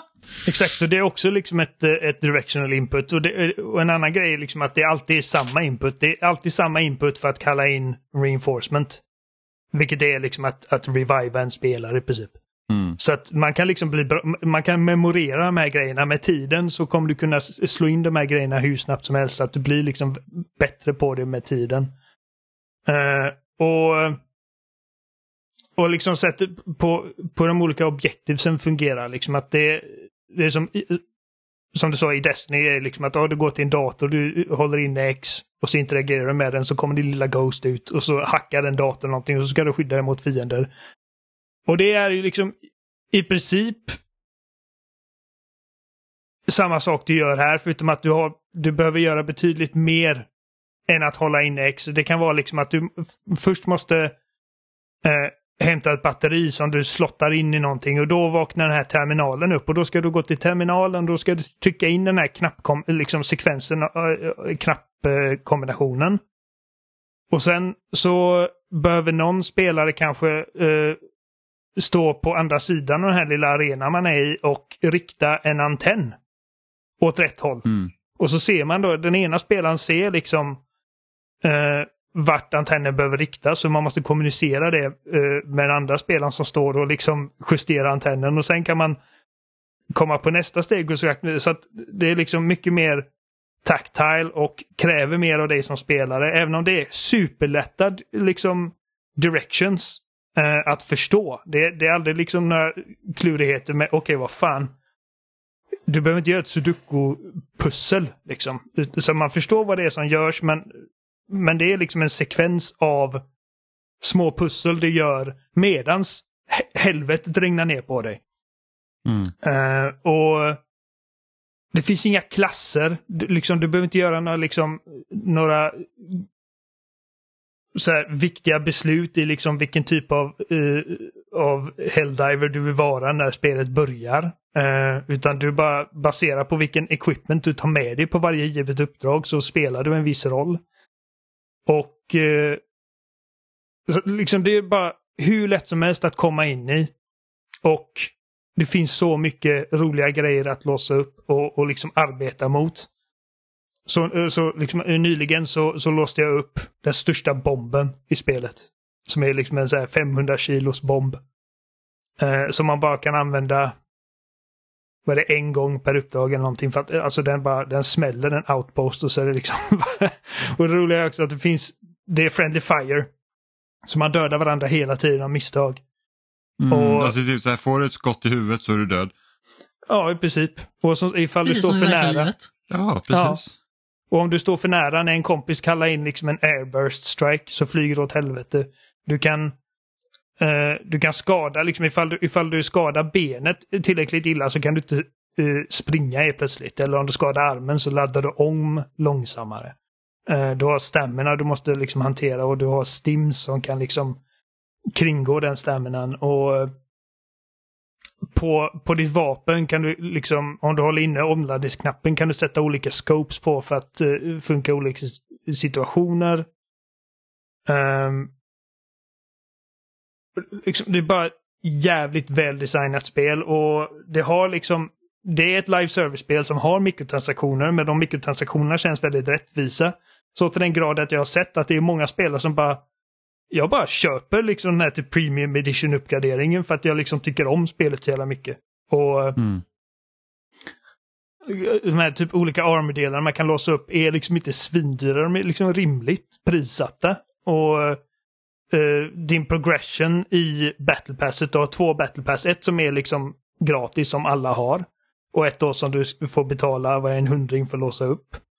Ehm, och det känns väldigt rimligt liksom ah, eh, eh, i- bara hur mycket tid du behöver spendera spel för att liksom ha råd att låsa upp de här grejerna. Det är liksom en, ett bra, bra flow i dina uppgraderingar på de här battle passen. Och jag vet att vissa har liksom tagit upp um, ska man säga, concerns över att det finns vapen du kan låsa upp i det betalda battle passet och att det då skulle liksom vara någon form av pay to win situation. Men, men i princip alla jag liksom sett som faktiskt köpt de här grejerna känner att liksom, de är roliga men det är ingenting som är liksom bättre än vad du får i, i, i grundspelet. Mm. Och,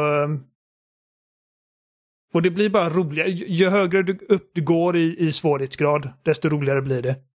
Så du och jag körde liksom, det första är trivial, och sen blir det easy och sen blir det medium.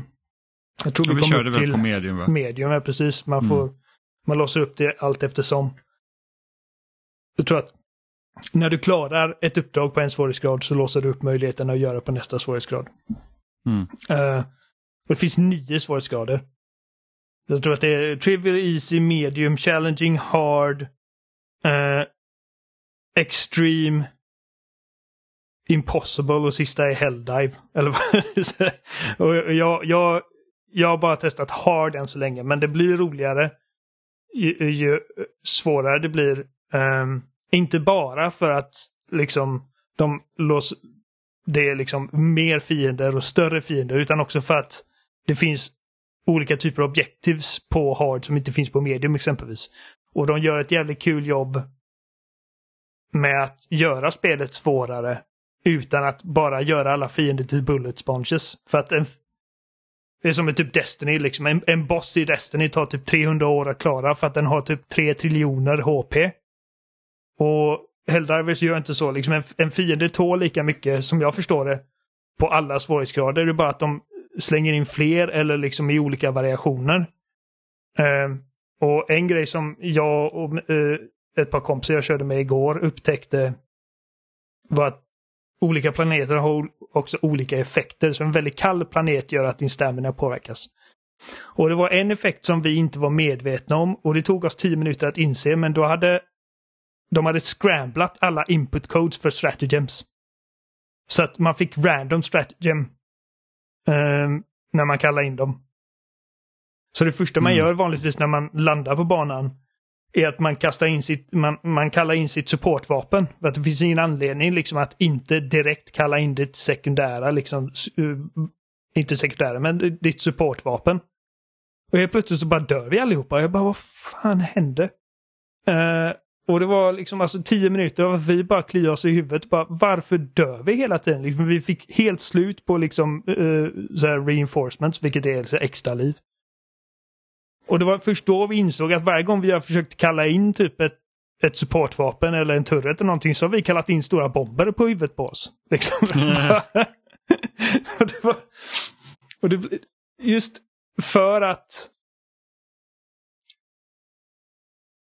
det är Friendly Fire på och för att det är liksom så li, lite random liksom i hur de här banorna eh, vilka objektivs man har och vilka fiender som dyker upp och vilken svårighetsgrad man kör på. Så att det gör dels att ingen liksom runda känns exakt samma som den föregående. Eh, men också liksom att det blir väldigt o, eh, oförutsägbart i hur saker och ting händer. Liksom. Helt plötsligt kan du bara flyga åt helvete och du fattar liksom, vad var det som hände och det är alltid roligt. Mm. Och det är verkligen liksom som, som jag, efter att du och jag spelade så spelade jag och Adam ett tag. Det var, så, det var han och jag. Och liksom det finns liksom en gräns på hur mycket man, i alla fall som vi vågade ta oss an. Vi höll oss på medium för vi kände liksom att vi får fan kämpa när vi är två stycken på medium. Ja. Men så fort två spelare till kom in, så när vi fick med Sebbe och Jeremy, det blir ett helt annat spel, verkligen. För att då har vi liksom helt plötsligt 100% mer olika bomber och grejer att kalla in. liksom. Mm. Och... eh, jag, jag, jag, jag kan inte minnas jag hade så här roligt med liksom ett, ett co-op-spel. Det får mig verkligen att tänka på när man spelade typ Left 4 Dead. Som mest. Men, ja, men Left 4 Dead hade ju ändå liksom så här, det var ju så tydlig liksom vad är det du ska göra. Alltså det var liksom Mm. att du har en bana, du kan komma från start till mål, ni ska överleva. Och när, jag, när vi spelade Helldivers 2, då, alltså det lilla jag spelade, så jag får liksom inte den här, vad är, vad är målet här? Eller är det liksom bara så att det är bara så kul att spela uppdrag så att man bara kör och det spelar liksom ingen roll? Alltså... eh, Du tänker inte då liksom vad är det jag ska göra på det här uppdraget utan vad är det jag nej, liksom... nej så vad, är, vad är syftet? Varför spel? Alltså varför gör vi det här? Liksom, kommer jag få någonting ut av det? Eller kommer jag få någonting av det? Alltså få se resultatet? Eller är det liksom så här bara att nej men du bara spelar uppdrag. Det är liksom that's it. Alltså som just nu så jag drivs främst av två saker. Dels är det för att det finns så jävla många roliga upgrades. Mm. eh, att låsa upp. Så varje gång man låser upp en ny form av stratagem, om det så är liksom, ah, nu har jag en napalm strike eller nu har jag railgun eller vad det nu kan vara. Att det är liksom den lilla moroten man jagar hela tiden för att ehm, Även om liksom min karaktär inte har levlat upp. Jag har inte fått liksom bättre armor rating eller typ mer HP eller liksom, men, men jag är så mycket bättre på spelet nu för att jag har tillgång till så mycket mer verktyg. Så Mm. det, det är alltid liksom en grej. Man, man har hela tiden... Låsa upp sjukare vapen. Ja, eh, och, och sjukare gear och, ro, och roliga emotes. Så det senaste låste jag upp kram-emoten, vilket är jättemysigt. Ehm, Mm. Men också för att jag liksom inte har kommit till den punkten än där jag känner att okej, nu, nu, nu gör jag bara samma sak om och om igen. Även om jag liksom har kört ett, liksom, samma typ av objektiv ett par gånger i rad. Så är det liksom att uppdragen utspelar sig så annorlunda baserat på vem jag spelar med och hur det går på uppdraget. Liksom att, det- känns lite som att jag bara grindar någonting. Jag har alltid Mm. roligt. Och som sagt, när man hoppar över eller kommer till nästa svårighetsgrad så har man helt plötsligt oh, helt nya objektiv som jag inte sett förut och behöver göra. Mm. Eh, och, och de två olika faktionerna, som sagt robotarna och insekterna, de, de, de spelas helt annorlunda så att det känns verkligen som väldigt olika upplevelser bero, beroende på vilken faktion man slåss mot. Och eh, jag vet inte hur jag ska förklara det, men liksom hela den här liksom, det här solsystemet som vi är i. Jag tror det är vårat solsystem, alltså eh, typ Super Earth kallas det. Ja, men det, det är ett solsystem som mer eller mindre liknar vårt solsystem. Ja, fast med massa mer planeter. Ehm, och solsystemet är liksom uppdelat i olika sektorer. Och eh, när, du, när, du, när du gör uppdrag på... Jag kan säga att en sektor, eh, sektor består av tre planeter. Och eh, allt eftersom att du gör uppdrag på de här planeterna så liksom eh, får du se en mätare gå upp som är liksom liberated. Och när du har befriat då alla planeterna i en sektor så låses nästa sektor upp som är liksom adjacent. Fast längre ut då från planeten, längre ut i solsystemet. Så att, Mm. och, och det är ingenting som du gör individuellt. Det är liksom hela Helldiver-communityt som, som jobbar mot de här målen. Så just nu är liksom ett så community, community goal är liksom att du ska eh, göra så här åtta om det är att du ska försvara åtta planeter som de har liksom pekat ut då på den här kartan. Och Mm. jag tror att just nu är det fem av åtta och när, och när man har gjort den åttonde då som community så får alla liksom en massiv dump av poäng som man kan köpa nya uppgraderingar med. Ehm, och vi vet ju liksom inte, för att som sagt, vi kommer inte åt de här sektorerna som är bortom det som vi har liberatat. Nej. Så vi vet inte liksom vilken typ av nya banor vi har som väntar oss. Liksom alltså kollektivt. Och jag ser också liksom potential till att liksom lägga till nya spännande, eh, liksom med nya uppdateringar och så. Både sett till nya spännande vapen och stratagems men också nya banor och planeter och eh, objectives och kanske till och med liksom i framtiden om man lägger till en ny faktion. Ehm, Mm. Nej, jag, såg, jag såg någon säga liksom det har varit så jävla coolt om det fanns en dinosauriefaktion. Tänk typ liksom alien-dinosaurier. Ja, precis. typ Horizon fast inte robotar utan liksom riktiga Alltså varelser. dinosaurier. Ja. eh, Ja, med fjädrar. Ja, jag menar, det behöver inte vara liksom eh, riktiga dinosaurier som har levt på jorden, men liksom åt det hållet. Stora massiva bestar. Mm. Ehm, och det... Nej, Som igår liksom jag spelade och då har jag ändå spelat, jag har spelat minst 12 timmar den här veckan. Och liksom, jag får se objectives och situationer och stratagems och monster som jag inte har sett hittills. Mm. Så att det håller sig hela tiden fräscht. Ja, men kul. Vi får spela mer av det. Ja, jag- jag kommer liksom, alltså. Jag spelar liksom ifall, ifall, ifall ingen, jag hittar någon att spela med liksom.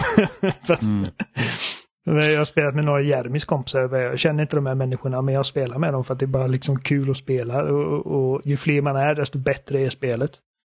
Ja. Ja, nej för mig det är så svårt att hinna på kvällarna. Eh, och Ja. sen så typ så ska man så planera för typ en timme och sen så, ja, det är det som betyder, jag tycker är knepigt.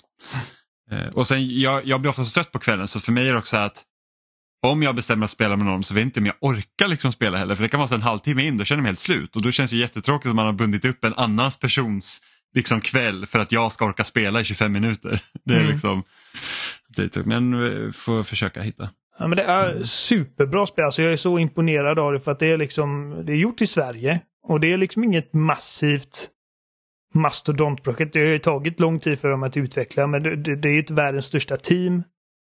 Och det kostar bara, vad är det, 40 dollar. Så att det är liksom ett sådär mindre spel.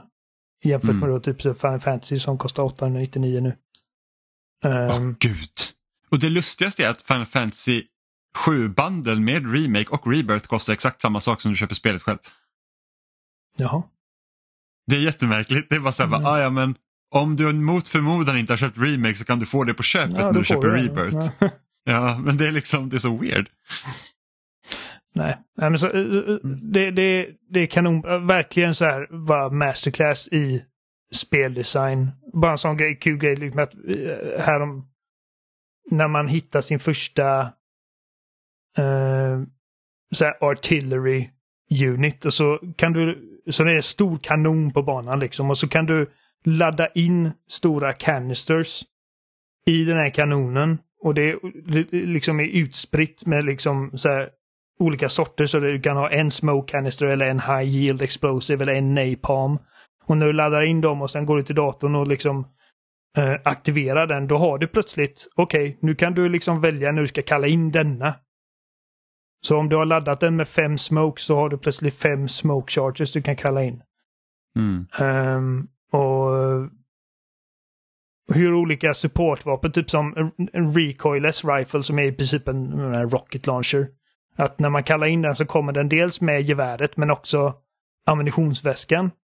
Och du kan använda den själv. Liksom, att du, du skjuter och så om du har väskan på dig själv så kan du liksom sätta dig ner och sätta i en, en ny en ny käll och fortsätta skjuta. Men en annan spelare kan också ställa sig liksom och, och ladda den åt dig så att du har två sp- spelare i en enhet i princip. Så att om jag har geväret så kan jag skjuta eh, raketen och du bara trycker på knappen och bara snabbt ladda in nästa så kan jag skjuta direkt och du snabbt laddar in nästa så man liksom verkligen så här, mångdubblar sin DPS ifall man arbetar tillsammans. Så det finns massa sådana olika grejer liksom som verkligen uppmanar till, till bra koordination mellan spelarna. Ehm. Ja, alltså superimponerande spel och som community manager så, så blir jag väldigt avundsjuk på när ett spel lyckas verkligen ta sig in i liksom the zeitgeist på det här sättet. För att det är typ det enda jag ser på på sociala Mm. medier. Det är folk som snackar om Helldivers. Hur sköter de själva den community-biten då?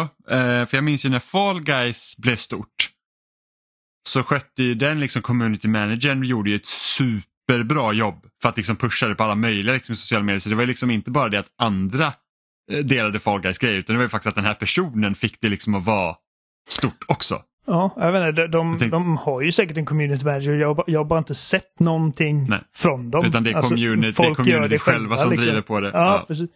Eh, jag vet att de har varit jävligt bra på att liksom ta um, feedback. För när spelet kom så var det, det var så, servrarna var så överbelastade för att det blev så populärt så snabbt att de var inte beredda på det. Så att det var jättesvårt att ens komma in i spelet.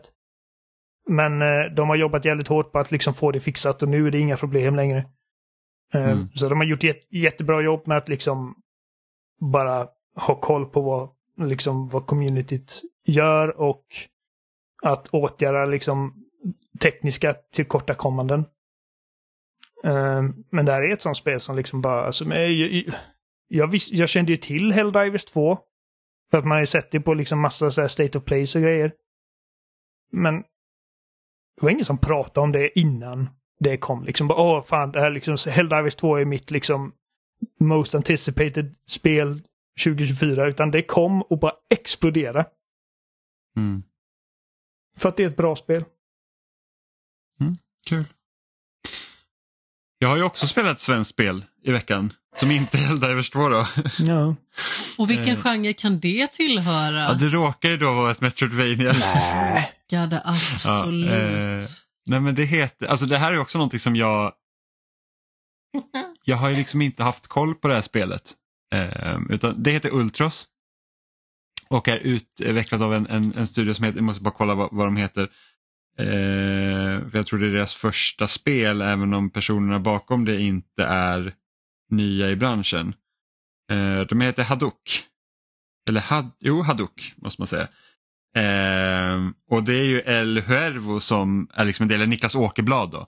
Eh, som har liksom varit, har hjälpt till med, med liksom som artist då till typ Hotline Miami, Els Heartbreak och massa andra svenska spel.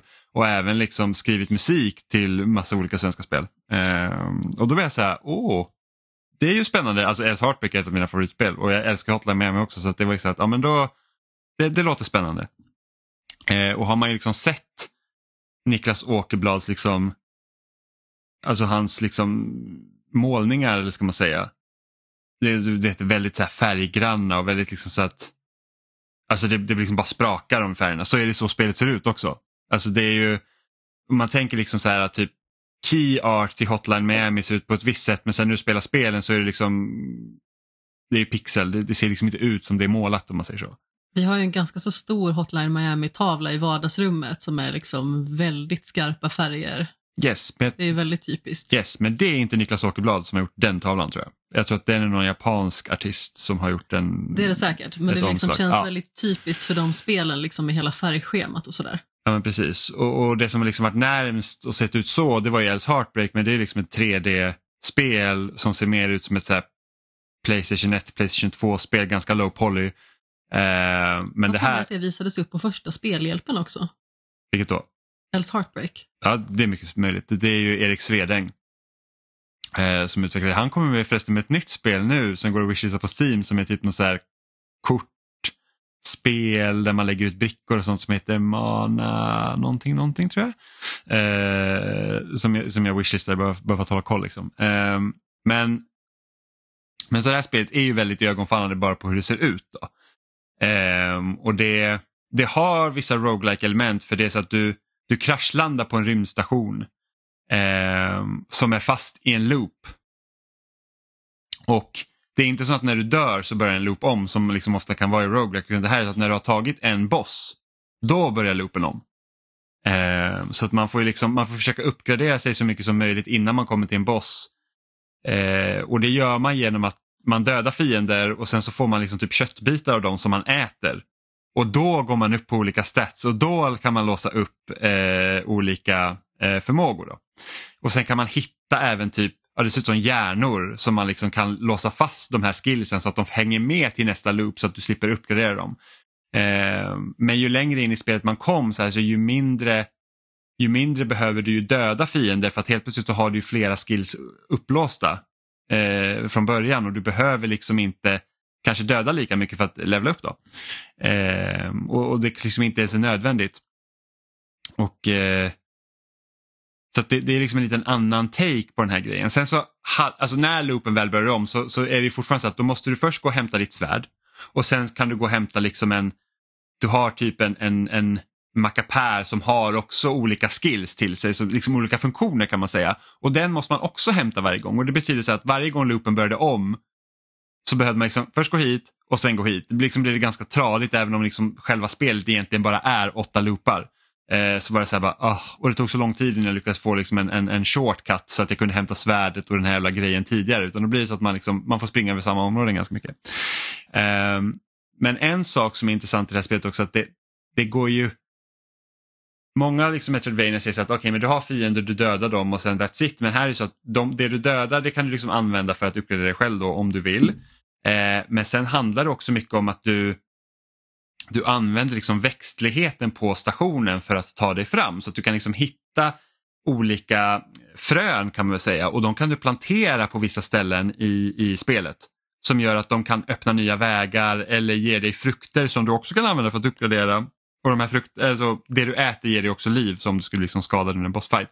Så att det är liksom en så helt plötsligt måste man liksom börja också tänka sig, okej okay, men man, man, liksom, man ger tillbaka till världen man är i, du är inte bara där för att förstöra, vilket är en del liksom av temat i spelet också. för att sen Det finns två olika slut, varav det ena liksom det lätta slutet är också det dåliga slutet medan om du ska få det bra slutet då ska du liksom koppla ihop hela stationen eh, genom att för en bit in i spelet då får du då, då får liksom en förmåga att du kan det är typ sådana här små, vad ska man säga, ja, men små flygande insekter som följer efter dig som liksom ger liv till stationen.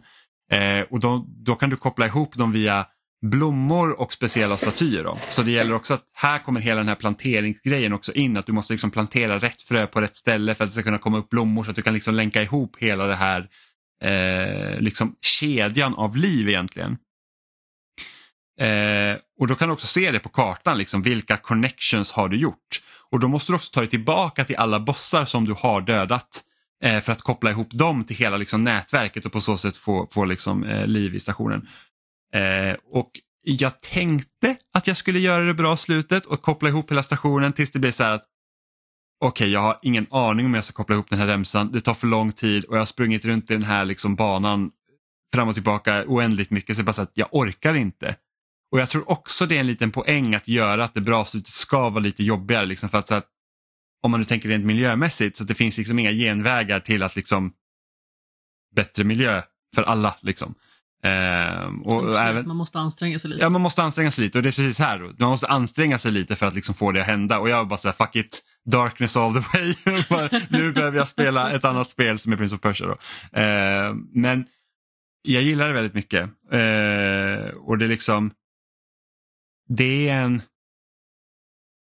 De som kommer liksom den här tidsserien, liksom, jag tror att alla de här liksom är runt från Skövdeområdet. Liksom så här, Erik Svedäng, Niklas Åkerblad, liksom de som skapar Hota Mem. Liksom att de, de, de här människorna, liksom, den typen av, eller de utvecklarna som kom från den eran liksom, gör väldigt speciella spel.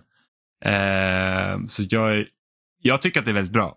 Sen finns ju såklart vissa skavanker. så att liksom att gå till Prince of Persia efter man spelar Ultros är verkligen så här, fan vad bra om karaktären styrs och det är liksom inga krångel med liksom att slåss och så här medan i Ultros var det så att vissa delar var verkligen så här, oh, nu, nu känns det lite knepigt här på grund av att karaktären inte känns lika smidig. Eh, men det är ett väldigt, alltså jag tyckte att det var väldigt bra. Eh, och gillar man Metroidvania, så lite annorlunda typ av Metroidvania så, så tycker jag att absolut att man ska eh, spana in det. Så det ser ju Nice. otroligt spännande ut. Ja det gör det och musiken är såklart bra. Eh, Vad Så det det är väldigt bra. Ultros finns på Ultros. Steam och Playstation 5 och 4. Um, alltså bara titta på det, liksom, det, det, det är väldigt iögonfallande. Ehm, sen har jag ju också spelat Mario vs Donkey Kong. Eh, och Jag har inte spelat originalspel som kom på Game Boy Advance men jag har spelat Donkey Kong på Game Boy som, liksom är, som Mario vs Donkey Kong var en spirituell uppföljare på när det kom. Då. Ehm, och Det här är ju ett pusselspel från Nintendo där Donkey Kong har stulit en massa mini-Mario-leksaker från Marios leksaksfabrik och det får han inte göra så att man ska ta tillbaka dem. Det är Han har liksom, varit dum. ja, han har varit dum. Ja. Så det är hela premissen eh, på spelet. Och då är ju liksom pusslen eller banorna är ju väldigt inspirerade från arkadspelet Donkey Kong från 80-talet. Eh, men förutom att du liksom ska klättra upp, upp, upp och sen typ basha Donkey Kong så är det så att för, liksom en bana innehåller liksom första delen av banan så ska du hitta en nyckel och så ska du sätta den i dörren och sen på nästa bana då ska du alltså hämta den då eh, Mario-leksaken.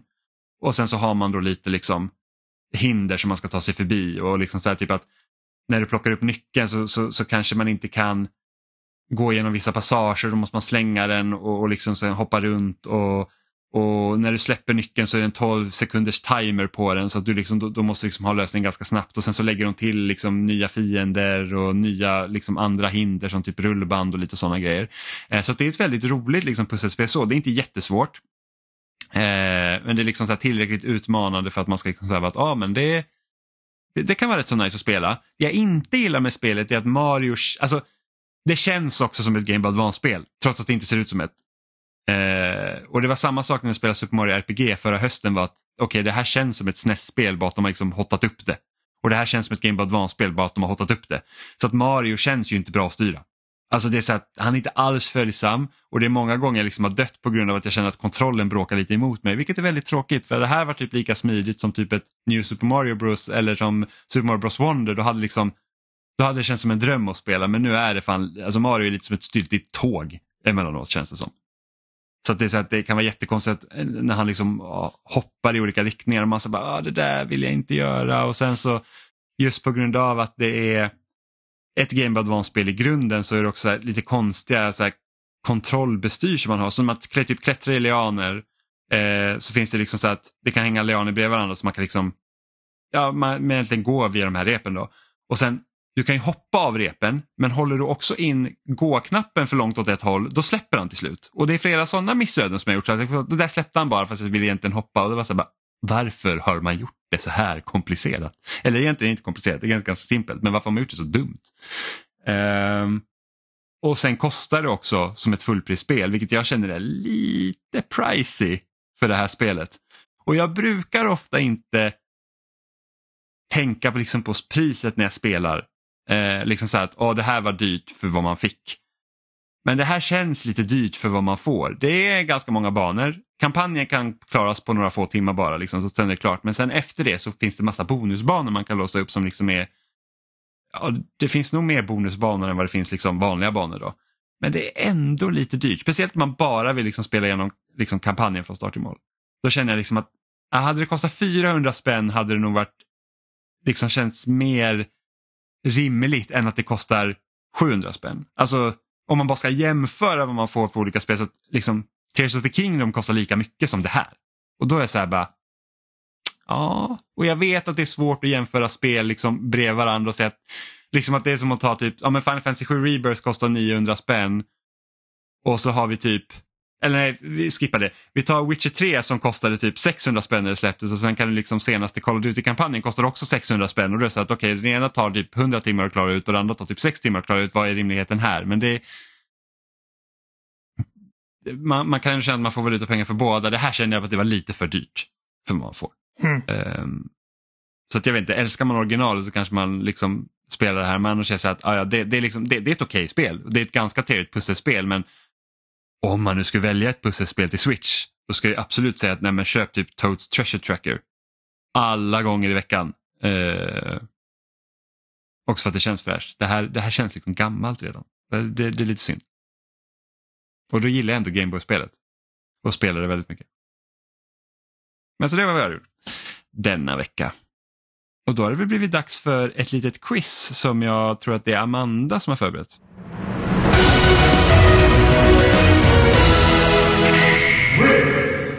Hoppas jag, för att jag har förberett det. så du hoppas att du har förberett någonting som du har förberett? Nej, men jag hoppas att det är jag. Jaha, okej. Okay. Ja, jo, precis. Du har inte kommit med några så här, du har inte några skumma frågor, Oliver, som du har hittat helt plötsligt? Uh, med några fake svar? Ja. Uh. nej. Ja, det var fan vilken fail det var. Um... och jag och Jimmy var så himla förvirrade. Ja, oh, nej. Uh, ska vi se, bara ta poängen. Uh, Amanda 6, Jimmy 9, Oliver 7. Uh, så jag hoppas att Jimmy får 0 den här veckan. Bu. Jag misstänker jäv. Nej, just det, det är inte du som är domare Oliver, det är Amanda. Det är det faktiskt. Ja. Men i och med att det är dags för Final Fantasy 7 Rebirth så har jag ju tagit det lite som ett tema till quiz nummer 7 här. Och eh, det kommer alltså vara Final Fantasy-tema hela vägen igenom idag, oh. är min tanke. oh. nu börjar dramatiken. Inga svarsalternativ. Nej, men precis. För och efternamn på alla. Nej, men eh, Första frågan i alla fall. Vilken av följande karaktärer finns inte i Final Fantasy 4? Är det 1. Cecil, kryss, Kairos eller 2. Kane? Oh my fucking Jag har god. inte hört talas De tre namnen sa mig ingenting. kan du säga dem igen? 1. Cecil, kryss, Kairos eller 2. Kane? Jag ska faktiskt säga att jag har spelat igenom hela Final Fantasy 4 på Game Boy Advance. Aldrig rört Final Fantasy 4. Jag tror att det är kryss. Eh, Okej. Då, då måste jag ta någon av de andra två bara för att ha chansen att liksom gå om. Så, så, eh, de andra två var Cecil eller Kane. Precis. Uh, Okej, eh, jag tar... Uh, jag tar Kane. Kryss är rätt, det är Kairos. Jag drar åt helvete. Ja. Ha Cecil är mer eller mindre huvudkaraktären. ska du ha valt, eh, ska du ha valt kryss, Oliver? Ja, det var lite olyckligt. Den andra Ja. frågan är vad är Final Fantasy 6-karaktären Terra för någonting? Är hon 1. En Esper, kryss, en Ancient eller 2. En Jin? Vad fan är något av detta? Om jag inte har fel. Om jag inte har fel så kommer Ancient från Final Fantasy 7. Och jag tror, jag röstar att, Esper. jag tror också att det är Esper, så jag säger 1 eller A. Esper är rätt. Jag Då bara, har vi kommit till den jag- sista frågan. Ja. Vilket annat namn är också ett alias för Garnet från Final Fantasy 9? Är det 1. Damsel, kryss, Dagger eller 2. Damsian? det är så här, fan är Garnet? Uh, jag säger alternativen igen. 1. Damsel, kryss, Dagger eller 2. Damsian? Och det är vad denne kallas. Precis. Hon har liksom ett alias till. Jag säger Damsien. Det låter dummast. Ja, det låter ju väldigt, liksom, det sticker ut de andra i alla fall saker. Jag vet inte vad Damsien är för någonting. Men jag säger, jag säger kryss på den här. Och kryss är rätt. Hon kallas också Dagger. vad är Damsien? Det är en eh, stad i Final Fantasy 4 tror jag. Ja, okej. Och Damsel är ju bara Ungmö. Ja, men Jag precis. tog någonting dumt på det. Ja, ja, men jag, det hade ju inte förvånat mig om någon hade kallats Damsel eller något Final Fantasy heller. Ja men precis, det var lite det jag kände också. De har hyrt in Kojima. Ja, precis. Be ashamed your words and deeds. Efternamn in distress. Ja. Är det någon av er som har sett Kojima-dokumentären? Nej, Det går vi inte att se i Sverige va? Nej, men det finns ju sätt man kan komma runt det. lånade av en kompis på internet. Ja, eller typ VPN eller vad som helst. Ja. Jag orkar inte böka, men nej, jag har inte sett den än. Nej, jag tänkte du kanske var så pepp efter, eh, efter att du hade läst hans biografi, Oliver. Ja, precis. Jag, jag såg att någon förklarade typ som att det är typ en timme av att Kojima sitter och säger hur bra Death Stranding är. ja. Men sen vet inte jag, det kan ju vara någon som har ett horn i sidan till Kojima också som säger så. Men eh, den finns i alla fall. Ja, men hur är ställningen nu då Oliver? ja det var jag har dåligt fortfarande quiz. sex poäng. Eh, ja, Amanda har sex, Jimmy har tolv och jag har åtta. Det är lite äckligt faktiskt. Mm, ja, jag är ju bra på det där när jag får höra rätt svar någonstans. Så, ja, jag gick upp en poäng och Jimmy fick alla tre. Ja, jag har aceat flera quiz nu alltså i år. Det här, jag tror det här kanske är mitt tredje ace. Det har inte alls gått bra för mig. Ja, du är bara två poäng efter mig. Ja. fast hur många quiz har vi gjort liksom i ja, år? men innan idag så var det bara ett poäng efter Oliver. Ja, men precis. Så... eh, Nej, det har inte gått bra för dig, men då har det inte gått bra för mig heller. Det har gått bra för mig. Det har gått bättre för dig än för mig. Eh, Jimmy, Ja, det- 12. Ja. Nej, det är bullshit. Final Fantasy, vem fan, vem fan bryr sig om Final Fantasy, Amanda? Jävla skit. Några stycken. Och även du Oliver. Ja. Speciellt nu. Som fucking eh, typ drog sig igenom hela Final Fantasy 15 innan de hade patchat det dåliga kapitlet. Var helt såld med Final Fantasy 16 och sitter och peppar Weebernas Weeb-spel Final Fantasy 7. ja, precis. Jag sitter och bara pissar ner mig. Framförallt peppa alla frisyrer. Mm, Ja. verkligen. Det, är liksom att, det är som att vi kommer se Oliver nästa vecka. Då har han liksom anammat Clouds frisyr. Fast svart då för det är lite coolare. Så han ser mer ut som Zack egentligen. Det det Precis. roligaste som finns med av Cloud. riktiga människor som försöker emulera ani- animerade frisyrer. Man bara, gud. Ja, men det Hur ser- kommer det du upp ur sängen på morgonen? Det ser ut som emo, gör det. Ja, till viss Ja, del. Men lite. alltså, sådana som är riktigt duktiga på cosplay, det tycker jag är skitcoolt. Det är lite så, Det är typ så att det- touchgrass. Mm, alltså det, bara så här, tänk, att kunna sy, tänk att kunna sy sina egna kläder på det sättet, det tycker jag är coolt. Ja, men det, är, att ja, det är coolt att kunna eh, göra grejer. Mm, eller typ så här, ta såna jävla, jag vet inte, typ frigolit, det är inte frigolit, men det är liksom sån här typ ganska lätt material som ser, jag vet inte vad det heter. Det är typ någon så här lite hårdare luftig plast typ. Jag vet inte vad det är. Det ser typ ut som frigolit utan att vara frigolit. Som de typ gör armmodeller och sånt. Det är inte någon som sitter där med metall. Då förstår jag. Ja. Jag hade lite svårt att föreställa Jag, mig inte, vad du jag, vet inte vad det, om. jag vet inte vad det heter. Men det, någonting, vi ska kalla det frigolit men inte frigolit. Som man gör grejer med. Det, är också, Styrofoam är väl frigolit? Va? det vågar inte jag svara på. Ja, okej. För det ser inte ut, med, det ser i alla fall inte ut frigolit vi får liksom när man beställer någonting på nätet som packar med frigolit, en sån här vit liksom med typ, ja, det ser, det ser liksom mer fast ut. Men det kanske är frigolit. Det kanske är en viss typ av frigolit. Frigolit, även känt som djävulens påfund. Ja, nu har jag sagt frigolit alldeles för mycket, det känns som inte ett ord längre. Men eh, tack för att ni har lyssnat eh, den här veckan. Ni, Semantisk mättnad. ja. ni hittar oss som vanligt på spesnack.com och där finns också länkar till alla ställen vi finns som eh, Twitter, Facebook och Instagram. Vi finns ju också såklart i din favoritpodcast-app som Spotify, Apple Podcast och RSS-flöden. Lämna gärna recensioner på vår podcast på alla olika ställen. Det är alltid kul. Eh, Och tycker ni inte om oss och vill lämna få stjärnor så tänk Mario Party Style, då ger man lite extra till de dåliga. Ehm, vi, vi fick en vi fick en kommentar på förra avsnittet på Spotify eh, av en Isak. Och det är inte Isak Hamrin, det är en annan Isak. Eh, Isak Hamrin skrev för förra veckan och tyckte också att avsnittet var bra, så nu känner jag mig lite dum att jag inte nämnt det förut. Men vi fick en från en annan Isak som tyckte att vårt avsnitt var bra förra veckan, så det var kul. Ja, Med nice. tanke på hur mycket politik vi pratade. Tack. Det har ju inte alltid gått hem i våra kretsar. Vettig person spotted.